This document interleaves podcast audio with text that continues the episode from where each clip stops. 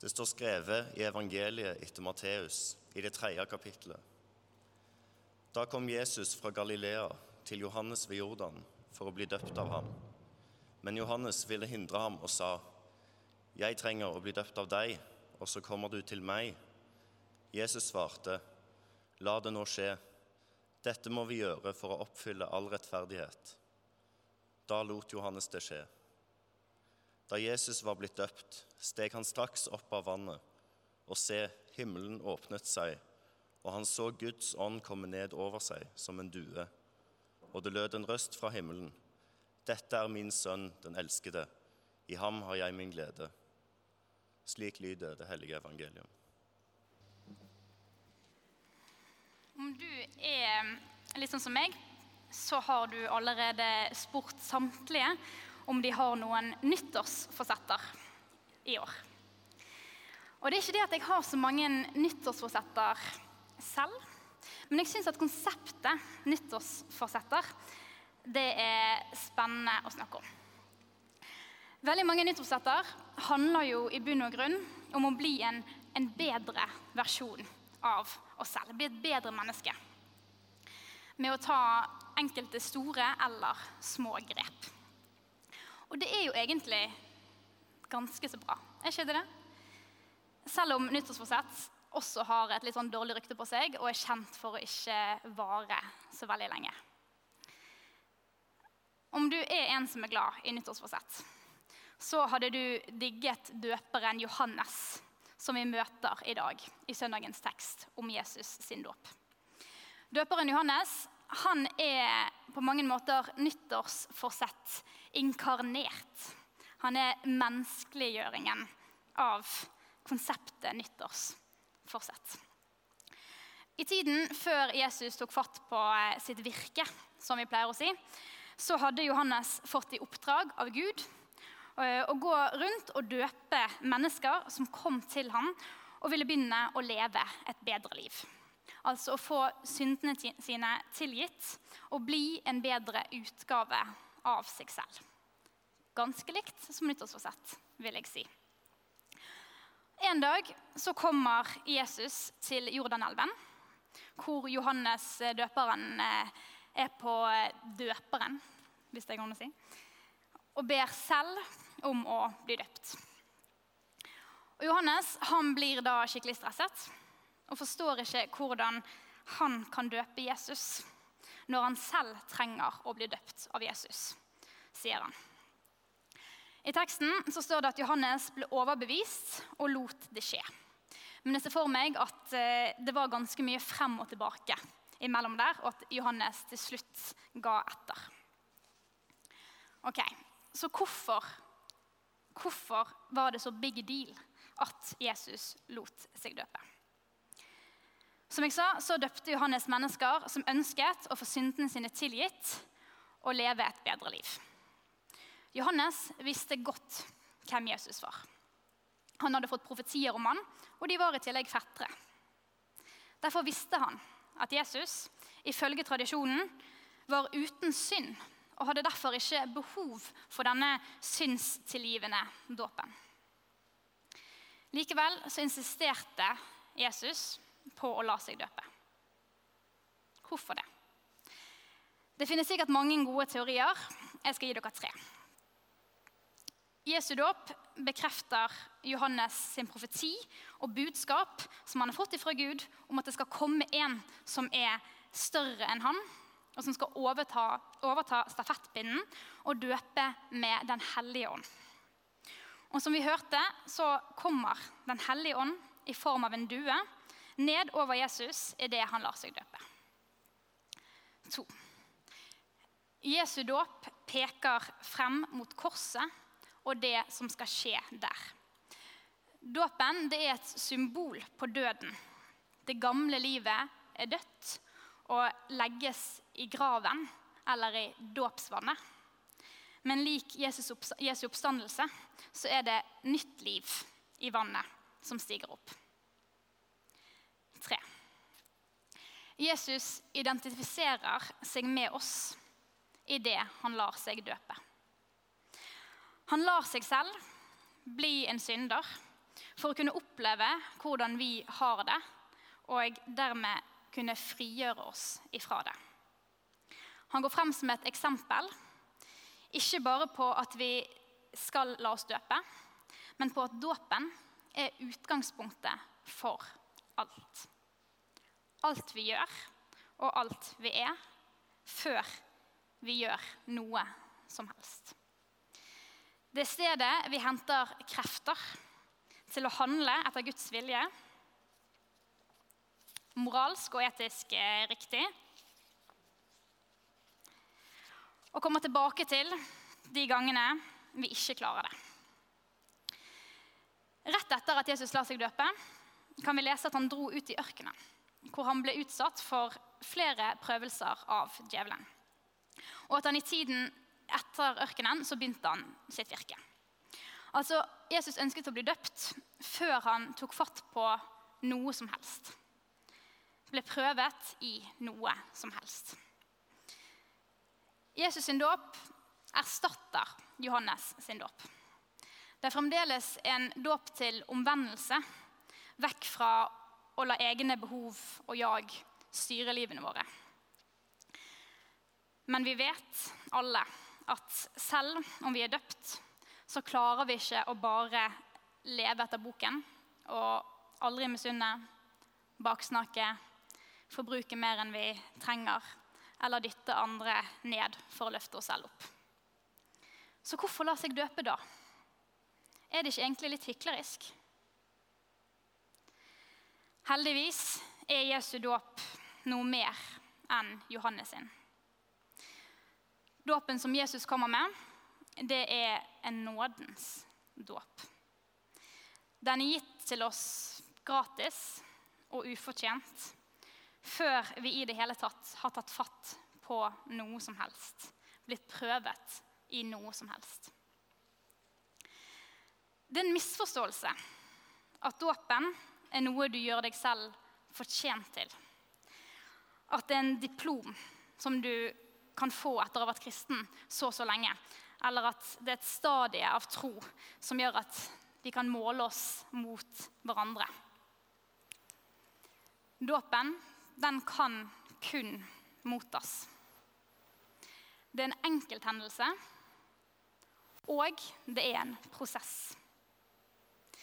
Den som døpes, den svarer ja til Guds allerede ja til oss. Og får dermed alt. Frelse, evig liv, tilgivelse fra synder. Men på en foreløpig og foregripende måte. Vi fortsetter jo å synde. Og vi vet alle at vi en dag skal dø. Men prosessen innebærer å erfare gjennom livet hva det vil si å ha fått alt allerede nå, men enda ikke. Hvis du nå ikke er så Det spinner litt i hodet. Og at dette med dåp ikke er så enkelt å gripe, så vil jeg si at du ikke er aleine. Det er fremdeles masse jeg ikke skjønner med dåpen. Som hele striden mellom barnedåp og voksendåp som har splittet, som har splittet kirkesamfunn. Hvordan mennesker som ikke er døpt, er like kapable til å gjøre godt etter Guds vilje og arbeide for å bli bedre mennesker. Eller om dåpen er et kriterium for frelse, når vi også tror at alle mennesker er skapt og elsket av Gud.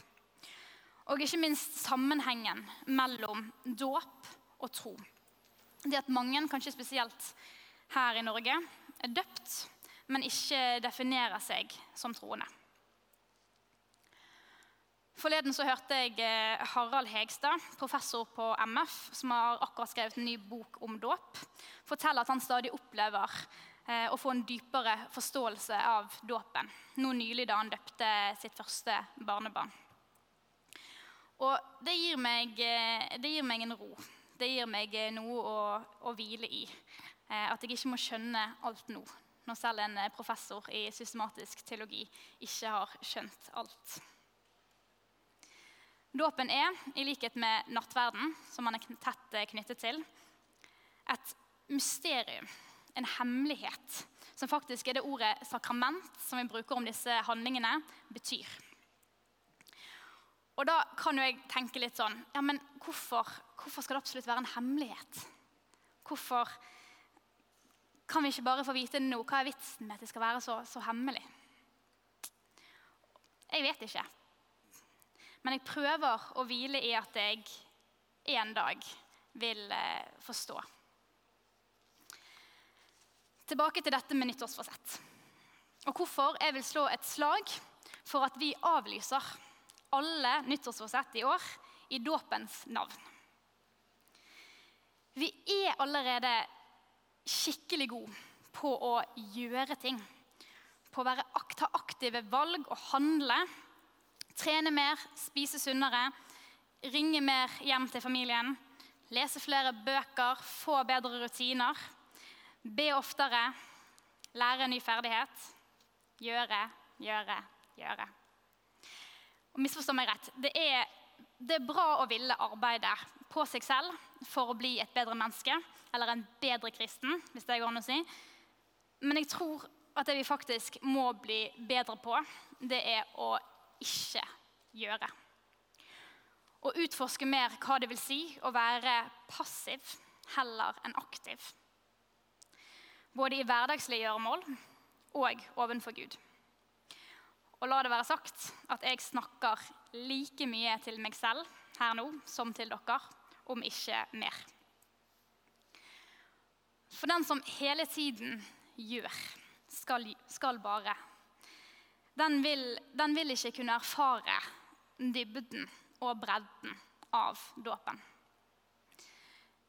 Jesus viser gjennom sin dåp og seinere sin død at en kristne dåp det er å la Gud handle på vegne av oss. Hvor det som kreves av oss i retur, det er at vi blir barn igjen. Og som barn overgir oss i fullstendig tillit til Guds ubegrensede nåde. Det handler om å flytte tyngdepunktet vekk fra oss selv og over på og vekk fra oss selv og det vi skal gjøre, og over på Gud og det Gud gjør. Men det er vanskelig, sant? for å være sentrum i eget univers, det er jo det samfunnet vårt forteller oss at vi er. Evangeliet derimot forteller noe annet. Du er ikke sentrum i universet. Gud er utgangspunktet for alt. Gud er Gud om alle mann var døde og det er faktisk noe å hvile i. Samtidig så forteller evangeliene også en fortelling om mennesket som løfter oss opp til høyere tanker om oss selv enn det vi noen gang kunne hatt. Her i St. Jakob så har vi en visjon som Aune Rudolf ikke er flau over å bake inn i alt han sier, omtrent. Men det er en veldig god visjon, altså. Vi bygger fellesskap, vi skaper kultur. Vi søker Gud. Men hvis vi har dåpen som utgangspunkt, så blir første ledd av den visjonen den blir litt feil. For det er ikke vi som gjør noen av disse tingene i kraft av oss selv. Det er Gud med sin hellige ånd som bygger fellesskapet her, skaper kulturen og søker oss. Så neste gang du hører den visjonen, så kan du tenke fin visjon. Ikke helt sånn on point eh, teologisk sett.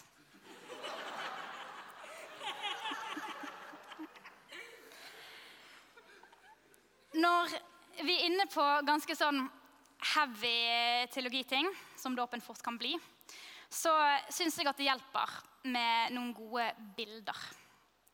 Når ord ikke helt klarer å fange det som vi vil si. Og Bjørn Eidsvåg han er god med sånne bilder. Og I en av sangene hans, som nylig har fått blåst liv i seg, av Emma Steinbakken, så undres han over at vi mennesker ikke i større grad benytter oss av vår evne og kapasitet til å gjøre det som Gud har lagt ned i oss. Men heldigvis så renner det en elv. en duvende flod gjennom livet mitt.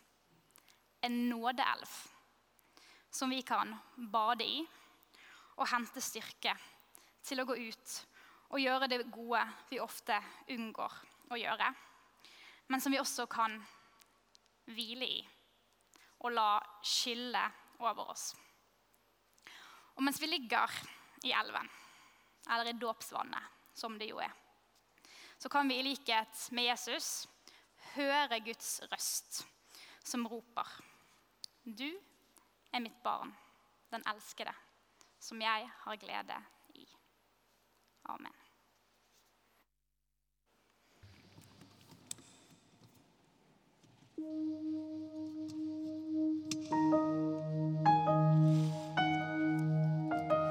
Det renner en elv, en duvende flod gjennom livet mitt.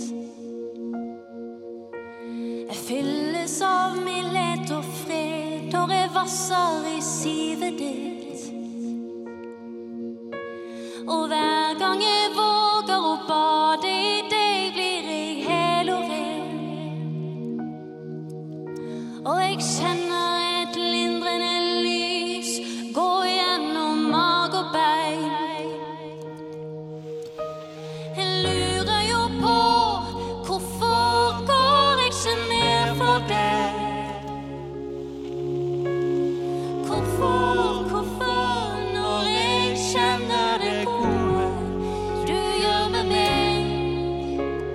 Det kan nesten virke som om jeg prøver å unngå det.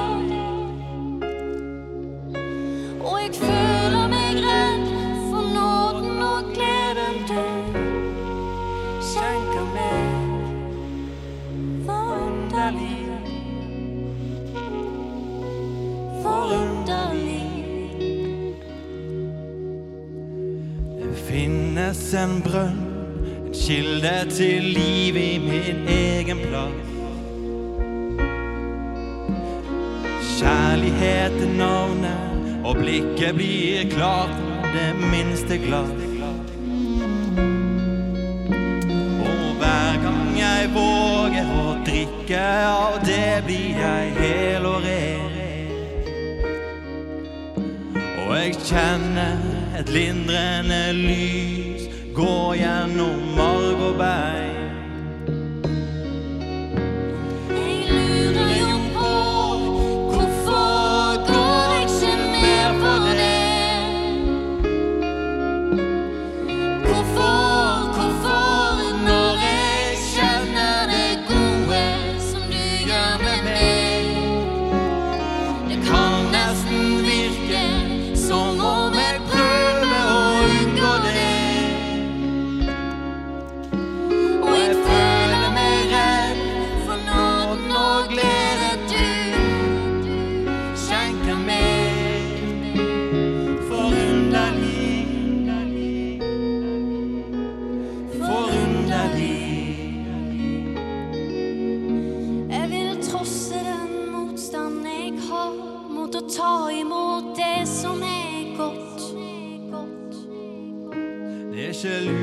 Å gå rundt og se etter det som jeg alt har fått.